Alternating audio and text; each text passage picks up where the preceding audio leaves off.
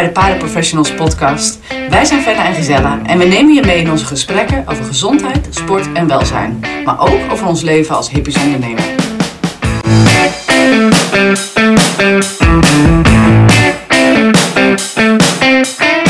De volgende podcast. Tussen ziel en zaligheid en zakelijk zijn. Jij bent toch altijd wel goed in die mooie zinnen? Ja, een soort alliteraties, of hoe noem je dat? Ja, daar ben ik wel jaloers op soms. Maar uh, ik vind dit, naast dat het een mooie zin is, vind ik het ook een mooi onderwerp. Het is een onderwerp waar we, ja, voor mezelf kan ik alleen maar spreken, dat ik echt wel de struggle mee heb gehad. Uh, hoe is dat voor jou? Nou, ik herken dat wel. Ik denk dat ja, ik zelf, maar heel veel mensen in de paardensector zijn daarin gestapt vanuit een bepaalde passie. Um, en dan komt daar ook nog de financiële kant bij kijken. En dan is het wel eens lastig, of wel eens heel vaak, ja. om ook zakelijk te zijn en, en ook wat zakelijk overzicht te behouden, zodat je er uiteindelijk van kunt leven. En uh, tegelijkertijd er natuurlijk voor de paarden kunt zijn. Dat is wat je vaak primair wil. Maar ja, je moet er ook de kost mee verdienen. En daar komt dat stukje zakelijk bij, zijn bij kijken. En dat is nogal een uitdaging, dat vind ik zelf ook wel. Ja, dat is ook wel typerend voor de paardensector, denk ik. Um, er zullen vast ook nog wel andere sectoren zijn uh, waarin dat lastig is. Maar als we kijken naar de paardensector, dan denk ik uh, dat uh, bijna iedereen, hè, als je kijkt gewoon naar de ondernemers of de trainers, dat zijn begonnen vanuit een passie, vanuit een hobby. en vanuit daar eigenlijk een bedrijf zijn gaan opstarten. Maar niet per se geleerd hebben om zakelijk te zijn. Nee, ik denk dat het hele ondernemerschap, dat dat zelden iets is waar mensen, als ze in eerste instantie met, met paarden gaan werken, vanuit die passie, vanuit die hobby, um, dan is dat niet iets waar je direct over nadenkt of waar je heel erg in gaat verdiepen.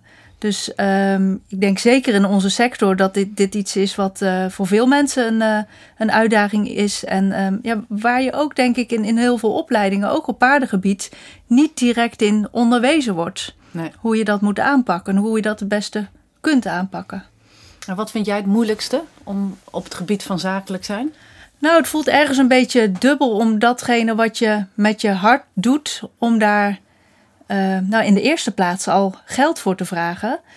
En um, ja, dan uiteindelijk heb je daarvoor ook een bedrag nodig, of zul je daar een bedrag voor moeten vragen, waardoor je er als professional ook van kunt leven. Dus ja, je doet het omdat je een paard wil helpen, of omdat je het mooi vindt om met paarden te werken.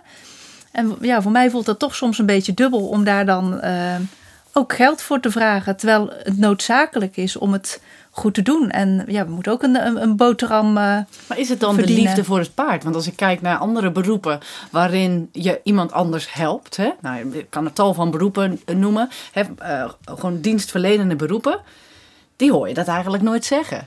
Nou, misschien in bepaalde mate ook wel. Ik denk dat heel veel mensen die in de zorg werken ook in eerste instantie dat doen om een ander te helpen, om te kunnen zorgen, om ja. te mogen zorgen. En ook daarbij geldt dat, uh, ja, dat dat niet altijd even goed betaald wordt. En soms voelen ze de noodzaak om daarvoor te strijden, maar niemand gaat primair de zorg in om daar heel veel geld aan te verdienen. Nee, dat, dat vind ik dat je dat een dat, dat is een goed punt, want dat zeggen ze ook altijd. Hè? Je gaat niet in de paardensector werken als je miljonair wil worden of, nou ja, überhaupt geld wil verdienen. Ja. Omdat het gewoon super lastig is. Ja. Maar dat zet me wel aan het denken van ja, waarom is het zo lastig? Waarom is het voor ons als ondernemers lastig om zakelijk te zijn? Terwijl je hebt gewoon een onderneming. Uh, we hebben te maken met kosten. De leveranciers waar wij dan weer mee te maken hebben, die zijn ook zakelijk. Die zeggen ook niet tegen ons. In mijn geval bijvoorbeeld, nou je hoor je een stro, uh, hier heb je 15% korting, want je bent zo aardig vandaag. Ja. En dat doen ze niet. Maar hoe is dat voor jou? Hoe voelt het voor jou om te werken met paarden, um, je passie uit te oefenen? En anderzijds toch ook ja, zakelijk te moeten zijn. Heb jij daar moeite mee? Nou, ik heb geleerd om zakelijker te zijn. Hè? Ja. Dus puur als je begint, dan ga je natuurlijk ook vooral om je heen kijken. Hè? Wat wordt er gevraagd voor opvolg? Wat wordt er gevraagd voor stalling? En dan ga je eigenlijk een soort van kijken naar je kosten. En op basis van kosten drukken, hopen dat je dan marge overhoudt. Ja. Terwijl het eigenlijk heel raar is. Want als je gewoon een kostenberekening maakt en op basis daarvan zegt van oké, daar moet een marge bovenop. En dus is dit de prijs voor uh, de dienst of het product dat ik lever. Dat is natuurlijk veel zakelijker. Um, maar dat is niet wat er gebeurt. Dus in het begin ga je nog mee in wat iedereen doet. Maar ja, dan kom je er eigenlijk achter dat je niet heel veel overhoudt. Nou, toen zeker op het punt dat je personeel krijgt. Ja, ik heb altijd de insteek gehad, ik wil gewoon dat mijn personeel een normaal loon krijgt. Ook al weten we dat dat niet het loon is van uh, nou ja, een, een, een andere sector waar modaal of bovenmodaal verdiend wordt. Um, maar ik ga ze ook geen minimumloon geven. Want dat vind ik, dat voelt niet goed voor mezelf. Nee. Maar naar mezelf kijken, ik moet mezelf ook salaris kunnen geven. Dat heb ik heel lang niet gekund. Dus dat zakelijk zijn en worden, dat is ook gegroeid. En je moet op een gegeven moment ook wel, hè? Als je een bedrijf hebt wat gewoon gezond moet zijn en moet kunnen investeren, dan, dan is er een punt dat, dat, dat je geen andere keuze hebt. Ik denk, ja, je hebt daar gelijk in. Maar ik denk dat er heel veel mensen zijn die um, de insteek hebben van, nou, zolang ik een boterham kan verdienen, um, ik heb te eten en ik kan af en toe een keer nieuwe kleding kopen als dat nodig is. Uh, en ik kan mijn, mijn huur of een hypotheek betalen dan is het goed. Maar ik denk dat voor heel veel mensen in de paardenbranche dat al een uitdaging is. En, en waar dan nog niet eens rekening mee wordt gehouden, is met het feit dat je, um, zeker als bedrijf, uh, ook geregeld een keer nieuwe investeringen moet doen. Als je als bedrijf wil groeien of je wil ontwikkelen, dan moet je af en toe kunnen investeren. Maar ook als je bijvoorbeeld een, een, een rijhal hebt staan dan is het niet alleen zo dat je in de eerste plaats een keer een hypotheek moet afsluiten om überhaupt dat pand te kunnen kopen. Maar je moet na enkele tientallen jaren moet je ook bijvoorbeeld het hele dak kunnen vervangen. Of alle boxen een keer kunnen vervangen. En daar worden vaak geen reserves voor nee, weggezet. Er wordt geen rekening mee gehouden. Nee. En kijk, als we kijken ook naar personeel. Uh, wordt nog heel veel uh, zwart betaald. Ja. En, en vaak dan ook nog onder het minimumloon. En ook nog veel te veel uren omdat, terwijl dat hoort ook gewoon bij de kosten. Ja. Dus ik vind het een heel interessant vraagstuk. Om te kijken, puur eerst vanuit onszelf, hè, want dat kunnen we het beste doen. Maar ook kijken naar de hele sector. Als ik kijk, heb ik naast, naast de, de, de vaste prijs voor diensten zoals uh, stalling, uh, opfok, aquatraining, laser. Maar het, het zit hem ook soms in die extra dingen die je doet. Um, extra verzorging geven aan een paard. Um, paard komt vanuit de opfok op stal. Dus uh, heb je daar meteen ook meer kosten aan. Uh, ga je dat doorberekenen, ja of nee? Um, in het begin doe je dat niet.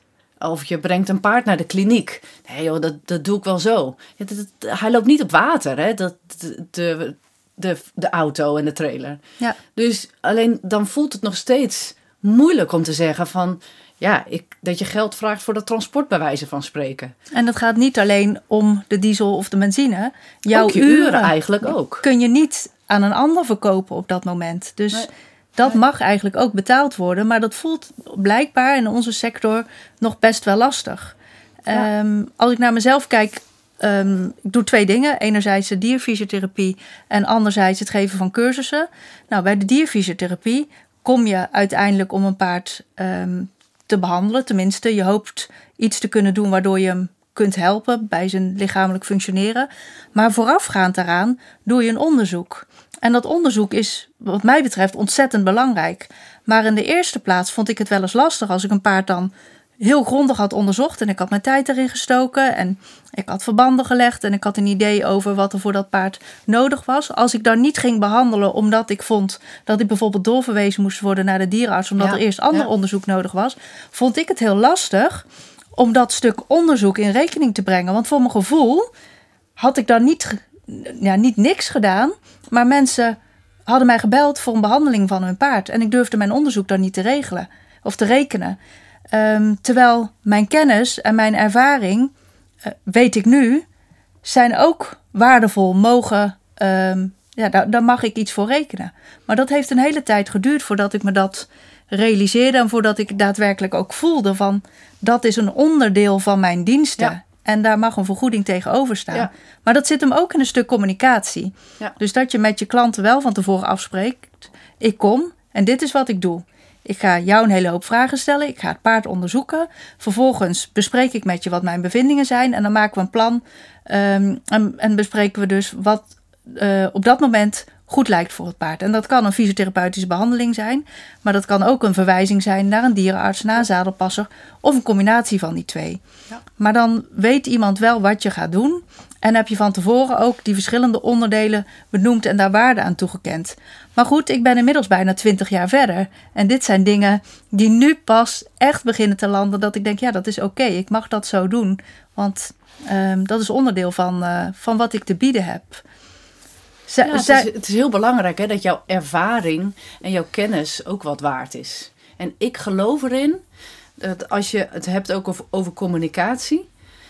Um, dat je goed communiceert wat zijn kosten. Dat als ik bijvoorbeeld kijk naar de revalidatie, dan is dat niet alleen een intensief traject, maar ook een duur traject. Ja. Je, het enige wat je kan doen is van tevoren zeggen van oké, dit zijn de kosten die er gaan komen. Uh, ze hangen af van die en die factoren. En dan kunnen mensen zelf beslissen, doen ze het wel of doen ze het niet. En die keuze moet je mensen altijd wel geven. Um, en dat is ook als ze naar de dierenarts gaan. Ga, eh, en de dierenarts zegt, ja, we kunnen uh, deze en deze behandelingen doen. Ja, wat zijn de kosten daarvan? Alleen mensen hebben heel veel voor hun paard over. Um, en ik, dat heb ik ook wel gezien in de afgelopen jaren. Is dat um, als je maar kwaliteit levert, doet wat je zegt... en ze ook de informatie geeft die ze nodig hebben... dat dat best dat ze dat best willen betalen. Ja. Nou, in het begin is dat best spannend. En ik denk mede omdat wij in onze sector een soort van collectief de neiging hebben om misschien wel te laag gaan zitten, te gaan zitten in de tarieven. En dat zie je bij pensioenstalling, maar dat zie je ook bij instructeurs. Ja. Um, nou ja, goed, jij hebt ook een functie binnen de FNRS uh, als het gaat om welzijn van paarden. Maar onlangs was er ook een onderzoek waaruit bleek dat een heel deel van de manegehouders, als ik het goed zeg, of pensioenhouders, pensioenstallen, manegehouders, ja. eigenlijk onder de kostprijs zitten te werken. Maar dat is lastig, want als jij pensioenstalhouder bent en je hebt in de buurt drie, vier andere collega's die allemaal onder die kostprijs zitten te werken, dan voelt het natuurlijk best wel tegenstrijdig om te zeggen, ja, ik ga een ander tarief rekenen, want dan ben je bang dat daar misschien dat niemand dat wil betalen. Is het ook, hè? En, en wat is de kostprijs? Ja. Dat is natuurlijk ook nog iets. Hè? Ik weet dat ik in het begin dacht, nou, kostprijs is heel simpel. Oh, ik hou uh, eh, 100 euro over. Ja. Maar ja, dan heb je niet nagedacht over investeringen op een later moment, reserveringen die je moet doen. Um, ja, als je dat in één keer er allemaal bij gaat rekenen, dan schrik je helemaal wezenloos. Ja. Uh, dus dat is ook wel uh, iets wat heel belangrijk is. Uh, ik heb dat zelf persoonlijk meegemaakt door toen we echt kostprijsberekeningen gingen maken. Uh, zowel de opvolg als de revalidatie en de afzonderlijke diensten. Ja, je kan soms versteld staan, maar die, die informatie is wel noodzakelijk om de stap te durven zetten en zeggen van. Ja, ik ga daar wel wat voor rekenen. Of ja, ik ga daar de prijs wel verhogen. Want ja, ik heb ooit wel eens het gevoel gehad, ik ben als een soort vrij, vrijwilliger aan het werk. Maar dat, dat voelt niet goed, hè? Dus het, je moet ook je eigen waarde, ja, je energie, je tijd wat je erin steekt, al je ervaringen, je kennis, dat is wat waard. Ja. Ja, en dat is letterlijk wat je zegt. Dat is ook een stuk eigenwaarde. Ja, het is eigenwaarde, ja. Dus het feit dat je betaald krijgt of netjes betaald krijgt voor je dienst, daar ontleen je ook een stuk eigenwaarde aan. Ja. En, en dat geldt ook voor de ZZP'ers in de branche. Um, nou ja, jij hebt inmiddels meerdere werknemers. Ik werk ook met een aantal mensen samen binnen mijn bedrijf. Maar daarvan denk je soms dat ze niet zo, zo heel veel kosten hebben. Maar ook zij moeten eigenlijk een arbeidsongeschiktheidsverzekering afsluiten. Al doet niet iedereen dat, omdat dat best duur is. Ja. Uh, maar denk ook aan een aansprakelijkheidsverzekering, een auto. Um, iemand die een deel van je boekhouding misschien doet. Want daar zijn we in de paardensector ook niet allemaal even goed uh, in. Uh, mezelf inclusief, als ik zo, uh, zo eerlijk mag zijn. Um, en dan hebben we het nog niet eens over pensioen. En als je al dat soort kosten gaat meerekenen, dan zijn heel veel van de tarieven die gerekend worden in onze sector eigenlijk te laag. Ja. En wat jij net benoemde um, over die kostprijsberekening, we denken daarin soms best simpel. Dat heb ik bij mijn cursussen ook wel eens. Dan reken ik wat de docent die ik inhuur rekent bij bijvoorbeeld een themadag. Ik reken wat ik voor de accommodatie moet betalen. Um, ik reken wat ik voor de lunch moet betalen en eventueel wat drukwerk. Maar de uren die ik er zelf in steek, uh, de uren die uh, mijn medewerkster erin steekt, um, nou, zo zijn er nog wel meer kosten die je misschien in eerste instantie niet erbij rekent. Bijvoorbeeld uh, het bijhouden van de website, van de social media, al dat soort zaken, die reken je niet mee. Nee. Maar die horen er wel bij. Ja. En als je dan goed gaat kijken, dan blijkt vaak dat je uiteindelijk aan sommige dagen helemaal niet zoveel of vrijwel niks overhoudt. Dat is wel confronterend. Hè? Op het moment dat je daar dan achter komt, dat je denkt, je doet met zoveel ziel en zaligheid zo'n themadag organiseren. Ja. En dan ga je op een goed moment eens even kijken, eventueel met hulp. Wat hou ik er nou aan over? Het voelt zo'n knoop in je maag dan om dat te zien. Ik, kan, ik heb wel eens gehad dat ik dacht, ik wil het eigenlijk helemaal niet weten. Want ik vind dat werken vanuit die ziel en zaligheid ook wel weer erg fijn. Ja. het voelt heel goed, hè? Alleen, ja, je, je mag jezelf niet vergeten. Ehm, dus, maar als je dan onderaan de streep kijkt en eigenlijk de conclusie moet trekken dat je twee keuzes hebt. Of de prijs omhoog doen of stoppen. Dat is een lastige keuze. Ja. Voor je gevoel, dat heb ik ook wel gehad, dat als je de prijs moet verhogen, dan heb je het gevoel dat je dat enorm moet verantwoorden. dat, dat je alles moet vertellen waarom je tot dat punt komt. Terwijl als je kijkt, ook de, de economie op dit moment, alle kosten worden gewoon doorberekend. Uh, maar in de paardensector, als de kosten van het hooi, het stro, uh, het krachtvoer, uh, noem maar op, als dat omhoog gaat, dan verhogen wij niet alle minuut de stallingsprijs. Nee. Want veel stallings, stallen die, die leggen dat gewoon vast per jaar. Maar gebeurt er in het jaar van alles, een droge zomer of een natte winter of wat dan ook, dan, dan kunnen ze dus niks. Dat is toch heel gek? Ja, eh, ik weet niet precies waar die terughoudendheid vandaan komt. En misschien heeft dat toch wel te maken met het feit dat het voor veel mensen in eerste plaats een, een passie, een hobby is. En tegelijkertijd is ook een deel van de afnemers ook gewoon particulier die heel hard moeten werken om een paard te kunnen betalen. En voel je eigenlijk mee met die mensen die de rekening moeten betalen. Ja. Maar ja, als jij uiteindelijk als ondernemer of als trainer of instructeur de dupe ervan bent omdat je nauwelijks je hypotheek kan betalen, dat klopt dan toch ook niet? Nee, dat klopt zeker niet. En ik ben ervan overtuigd dat uiteindelijk de paarden daar ook niet beter mee af zijn. Want uh, een ondernemer die uh, een goed salaris eruit kan halen en uh, ook winst maakt, zodat er een, een, mooi bedrag in zijn onderneming blijft zitten, die kan ook op een gegeven moment weer zijn accommodatie verbeteren. Die kan eventueel meer, uh, meer personeel aannemen, zodat alles nog beter geregeld is. Ja. Die kan een keer op vakantie en die heeft dan de energie om vervolgens vol goede moed weer aan de slag te gaan. Dus ik denk dat niet alleen de ondernemer zelf beter af is, maar uiteindelijk ook zijn klanten en de paarden. Ja, en als we het dan even een positieve uh, zwaai geven. Hè? Van, ik, ik geloof er ook heel erg in dat jij uh, de, de doelgroep kiest, maar ook de doelgroep krijgt die je, um, die je wenst misschien. Ja. Hè? Dus stel dat je zegt van... Um, uh, ik, je, je kan kiezen tussen kwantiteit en kwaliteit. Uh, ik ben zelf een persoon dat zegt ik ga voor kwaliteit. Dan krijg je ook de doelgroep die kwaliteit uh, ook heel belangrijk vindt. En dat waardeert. Ja. Um, dus er zijn zoveel paarden in Nederland. Um, iemand met wie ik werkte, die zei wel eens tegen mij: Fenna, je hebt 15 revalidatiestallen. 15 op al die paarden in Nederland. Ja. Hoeveel procent is dat? Uh, ja, weet ik niet, heel weinig. Heel veel achter de komma. heel veel achter de komma. Ja, dus je hebt niet al die mensen nodig. Nee. Dus ga kijken wat je wil bieden. Wat past bij jou? Wat is de prijs daarvoor? Welke prijs moet jij dus vragen daarvoor? En je krijgt de doelgroep die, die daarbij past. Ja. En verdorie, het is ook nog zo. Alleen het is zo eng om dat te gaan doen. Ik vind wel altijd dat prijs en kwaliteit moet natuurlijk wel in verhouding staan. Het kan niet dat je uh, mega veel voor een behandeling of voor stalling vraagt. En het is één grote rotzooi bij ons. En de paarden worden niet goed verzorgd. Ik, even overdreven gezegd. Hè?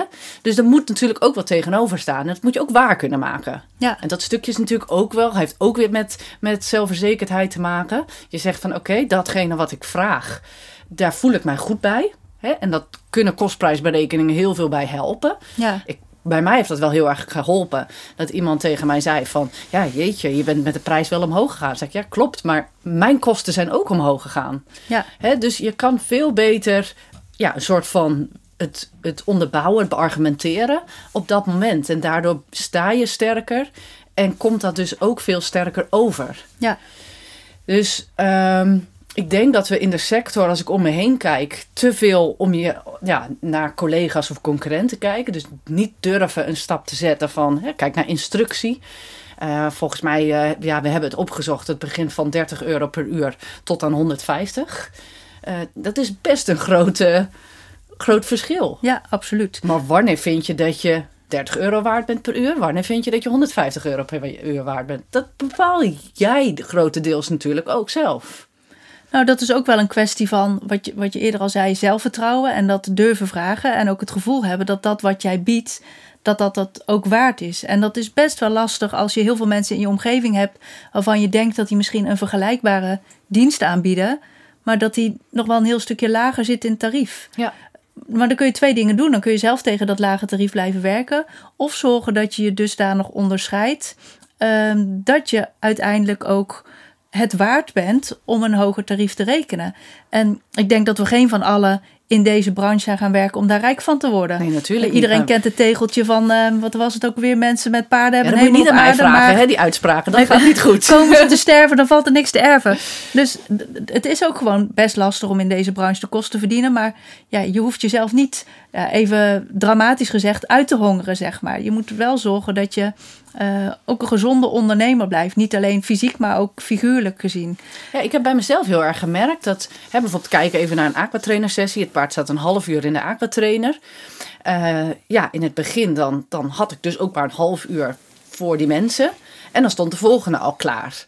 Ja, aan het einde van de dag, ik was helemaal kapot. Want dat, dat werd, ik zeg altijd gekscherend, niet alleen lopende bandwerk. Want ja, het is letterlijk een lopende band. ja. Maar letterlijk ook de een naar de ander. En toen dacht ik bij mezelf, hé, maar dit strookt helemaal niet bij wie ik ben en wat ik leuk vind. Want wat vind ik nou leuk? Dat is aandacht geven aan mens en paard. Kijken waar ik kan helpen. En uh, de combinatie verbeteren. Ja. Zodat je van waarde bent voor die combinatie. Dat wil ik zijn. Dat kan je niet doen als je geen tijd hebt voor ze.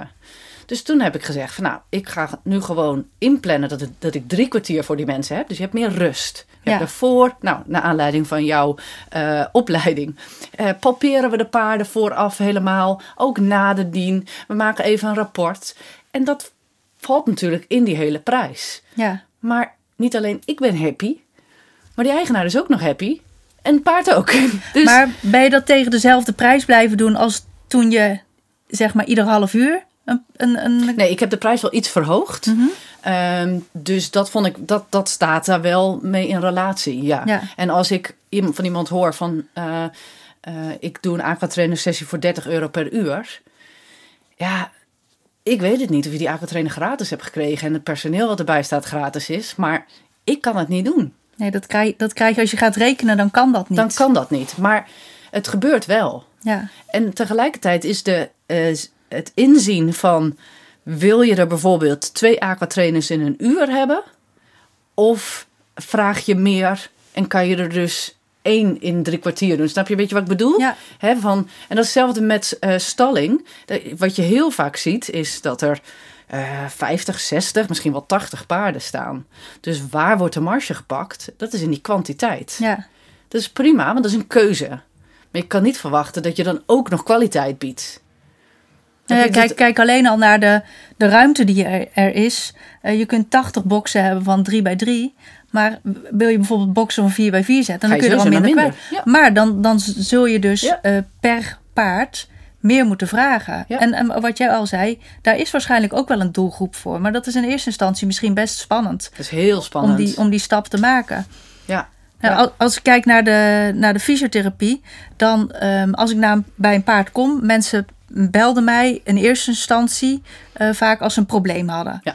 Ehm, tegenwoordig doe ik vaak, werk ik eigenlijk vaak met dezelfde klanten waar ik al jarenlang mee werk. Eh, niet dat er dan nooit een probleem is, maar dan word ik niet primair gebeld met eh, ik heb een probleem met mijn paard. Maar in zulke gevallen ging ik naar die klant toe en dan doe ik eerst een onderzoek, zoals ik net al zei. En uh, op het moment dat ik dat onderzoek heb gedaan, dan wil ik ook heel graag dat paard en daarmee ook die klant gelijk helpen. Dus als ik bevindingen had waarmee ik, waarvan ik dacht van nou, paard zou nu gebaat zijn bij een fysiotherapeutische behandeling en advies, dan wilde ik daar graag mee aan de slag. Ja. Maar dan was ik zo'n eerste keer, en dat is nog steeds wel, vaak bijna twee uur bezig. Ja. En dat reken ik als één consult. Want Ja. ik, ik wilde heel graag meteen iets betekenen voor dat paard en die klant. En niet zeggen, nou over twee weken kom ik hier eens een keer iets aan doen. Nee. Dat voelde helemaal niet prettig. Maar eigenlijk was ik een dubbel consult aan het doen. Ja. En dat durfde ik niet te rekenen. Dus ik rekende dat als één consult. Dat betekende dat ik een heel uur van mijn eigen tijd weggaf. Ja. Nou, daar heb ik toen lang over nagedacht. En er waren twee opties. Of ik ga het allemaal veel sneller doen. Maar voor mijn Dat gevoel... past niet. Nee, dat is wat ik zelf Nee, ook dan, bedoelde. dan ja. kun je het niet meer goed doen. Nee. Tenminste, voor mijn gevoel was dat zo. Dus er zullen best mensen zijn die dat anders doen. Voor mij werkte dat niet. Ik wil graag aandacht kunnen geven. Het hele paard na kunnen kijken. Alles wat ik nodig vind behandelen. Ook nog advies kunnen geven. Dus ja, korter dan dat Nee. ging het niet worden. Ja, misschien een keer een kwartiertje, maar meer niet. Dus ik heb uiteindelijk besloten om het anders te communiceren. Ik doe een onderzoek, ik doe een intake. En daarna doe ik een eerste behandeling. En dat zijn eigenlijk twee consulten. Ehm, ik vind het nog steeds lastig. Nu ik het erover heb, denk ik, oeh, jeetje. Maar dan reken je dus eigenlijk twee keer of twee consulten af in één keer. Ja. Eh, tegenwoordig doe ik het een beetje anders, zeg ik heel simpel. Want niet ieder paard heeft evenveel tijd nodig. Ik reken een bepaald, bepaald uurtarief. En ik kijk gewoon hoe lang ik voor dit paard nodig heb. En dat kan onderzoek zijn, dat kan behandeling zijn. En Dat is heel ding- transparant. ja, net zoals dry needling, taping, eh, nog een zadel even controleren, wat andere testjes doen. Ja. Mensen betalen voor wat ze Ik geloof afnemen. daar wel in. Ik heb dat bij de revalidatie ook. Dat mensen echt betalen voor wat het paard afneemt. Ik heb dus geen pakketten. Ik heb dat wel uitgerekend. Kan je Ja. pakketten doen. Eh, en dan ga je, ga je van gemiddelden uit. En dan-. Maar dan is er altijd iemand die te veel betaalt. En er is iemand die weinig, Ja. te weinig betaalt. Precies. Over het gemiddelde kom jij misschien hetzelfde uit. Alleen het voelt niet goed. Nee. Dus toen heb ik gezegd, nee, ik blijf bij het feit dat eh, hè, je hebt een basistarief, stalling en verzorging. Dat staat gewoon vast. En daarbij komt alles wat het paard doet. Want elk paard revalideert op een ander schema. En dat is precies wat jij ook zegt. Van, kijk wat paard nodig hebt. Ik kijk hoe lang ik ermee bezig ben. En je weet van jezelf dat je geconcentreerd met dat paard bezig bent. Dat je niet met de buurvrouw eh, tien minuten aan het praten bent. Ja. Bij wijze van spreken. Dus je gaat daar eerlijk mee om. Je hebt eh, lange samenwerkingen. Dus je kent de klanten goed. De klanten kennen jou goed. Dus dan werkt dat natuurlijk heel fijn. Ja, en toch heb ik buikpijn gehad van het nemen van die beslissingen. Van Ja. dit is hoe ik het ga doen. Ook van iedere tariefsverhoging. Oh, ook al ja, zijn die ik vaak ook. heel bescheiden. Ja. Dat, dat blijft ergens lastig. En zelf heb ik nog steeds, als ik dan een keer anderhalf uur met een paard bezig ben, dan schrijf ik op Oh, echt? dat hè? het een ik uur en een kwartier is. Dan kijk ik Ehm, naar die rekening en dan denk ik, nou, ik geef ze maar 10% Ja. korting. Nou heb ik iemand op kantoor zitten die de facturen maakt, dus die tikt mij soms ook wel op de vingers. Maar ik ken dat gevoel. En Ja. ik, ik had bij de opvolk heb ik onlangs een prijsverhoging moeten doorvoeren. En dat heb ik gewoon moeten doen, omdat de prijzen gewoon bleven stijgen. En ik ging wel geteld met 25 euro per maand omhoog. En buikpijn dat ik had. En oh, en die mail die moest eruit. Maar ik zat er maar tegen, oh, ik zat er tegenaan te hikken tot Erik, mijn man, zei: Fenna, hoeveel is dat per dag? En toen zei ik: Nou, ehm, ja, niet zoveel. Nee, zegt hij. Dus waar maak je je druk om? Jij hebt die kosten ook die verhoogd zijn. Ja. Dit is een noodzakelijke prijsverhoging. Het is 25 euro per maand. Je eh, waarborgt de kwaliteit. En per dag is het nog geen euro omhoog. Toen dacht ik, ja, hij heeft ook gewoon gelijk. Maar dat is dus maar hij werkt niet in de paardensector. Hij, hij zit in een hele andere sector. Dus Ja. het is soms even heel goed om daar naar te kijken. En ik denk dat we als paardensector meer eh, ja, eigenwaarde mogen creëren. En dat hoort ook wel bij die professionalisering van de, van de hele sector, vind ik Absoluut. op elk stuk van de sector, hè, van, van stalling tot training, tot instructie, tot behandelingen zoals jij, maakt niet uit. Eh, en er zijn groepen binnen de sector die wel degelijk eh, gewoon, eh, kijk naar de accountants, hè, die durven Ja, ook wel daar niet zoveel moeite mee. Nee. Die hebben er niet zoveel moeite mee. Maar ik heb die accountant wel nodig. Ja, maar van die accountant vinden we het ook helemaal niet raar dat hij voor zijn expertise een bepaald tarief rekent. Ja. Ehm, en, en in onze sector blijft dat een beetje lastig. Tenminste, persoonlijk blijf ik het lastig vinden. Eigenlijk bij bijna iedere factuur die ik stuur. Ook al, en dat geldt denk ik ook voor jou, staat mijn agenda vol. Kan ik zelfs voor fysiotherapie al een tijd geen klanten meer aannemen. Toch blijft het lastig. Ja, en gelukkig hebben we elkaar. Ja. En dat we soms eventjes uh, daarover kunnen sparren. En dat is denk ik ook belangrijk. En ik hoop ook wel uh, met deze podcast dat we ook een groep kunnen inspireren om eens te kijken naar ja, wat reken je eigenlijk voor de diensten of producten die je aanbiedt.